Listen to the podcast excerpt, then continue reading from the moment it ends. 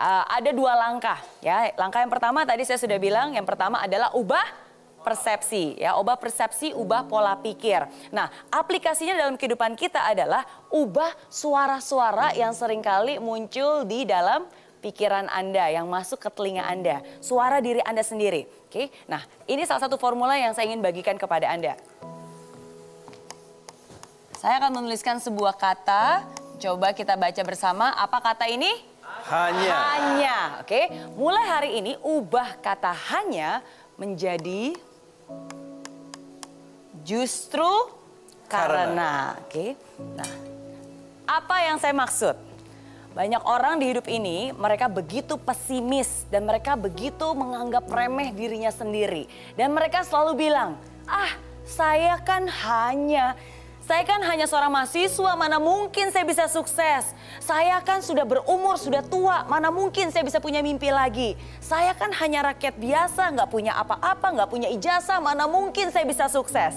Saya hanya, saya hanya, saya hanya. Mulai hari ini, ubah kalimat itu, ubah kata-kata itu. Jangan pernah bilang saya hanya, tapi justru, justru karena. karena. Tapi Justru, karena. Justru karena Anda anak muda, Anda punya kesempatan yang jauh lebih besar dibandingkan orang lainnya. Justru karena Anda sudah berumur, itu tandanya Anda sudah punya pengalaman.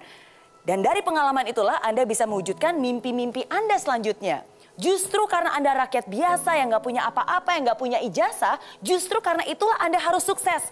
Karena kalau Anda sukses, bukan hanya hidup Anda yang berubah, tapi Anda juga bisa menjadi contoh bagi orang-orang lainnya untuk juga melakukan hal yang sama.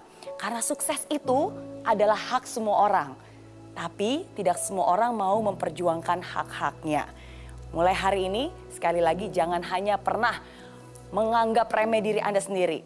Ubah kata hanya menjadi Justru, Justru karena. Lalu bagaimana untuk membuatnya menjadi jauh lebih konsisten? Oke, kalau tadi saya berbicara tentang persepsi, pola pikir. Nah, untuk bisa lebih konsisten, ubah persepsi menjadi aksi. Nah, jadi pikiran sudah berubah, pola pikir sudah berubah, udah yakin, oke, justru karena saya masih muda, saya punya banyak waktu, saya bisa, saya harus bisa. Ubah semangat itu langsung menjadi aksi aksi nyata, langsung lakukan. Lakukan mulai dari hal yang kecil. Oke, karena dengan Anda menjadikan itu aksi, baru nanti ada hasilnya. Dari hasil yang kecil, walaupun mungkin belum sempurna, tapi dari hasil yang kecil itulah baru Anda bisa melihat, oh ternyata bisa ya. Ternyata dari apa yang saya pikirkan sudah mulai nih ada bibit-bibit nyatanya. Sudah mulai ada hasil-hasil nyatanya yang bisa Anda rasakan. Nah itu akan sekali lagi memperkuat pemikiran Anda. Kalau pikirannya lebih kuat, nanti aksinya juga jauh lebih kuat. Aksinya lebih kuat, nanti hasilnya juga pasti lebih kuat lagi dan lebih baik lagi.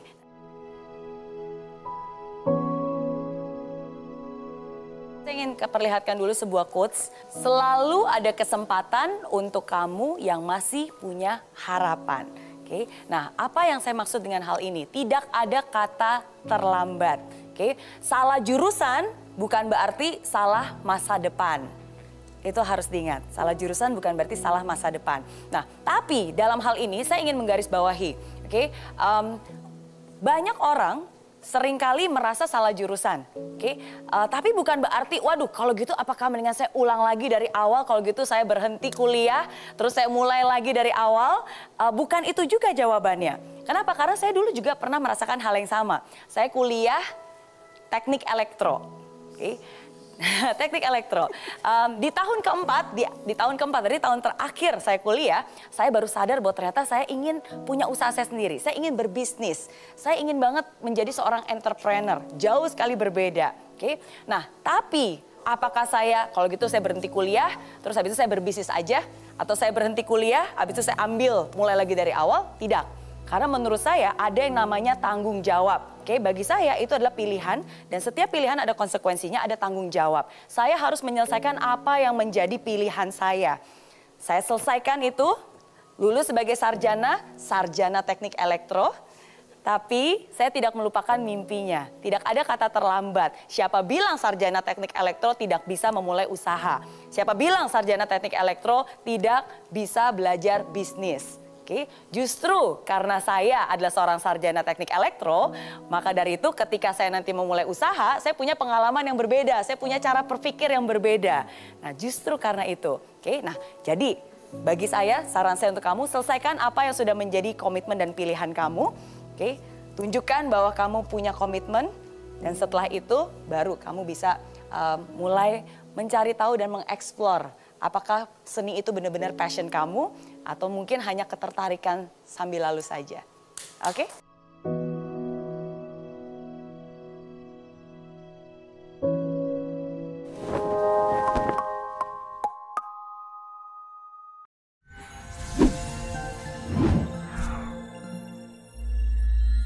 Di aplikasi Mary Riana tersedia lengkap video-video YouTube terbaru saya, artikel yang up to date, post inspirasi, koleksi merchandise, workshop dan seminar yang bisa kamu dapatkan free dan download sekarang juga gratis.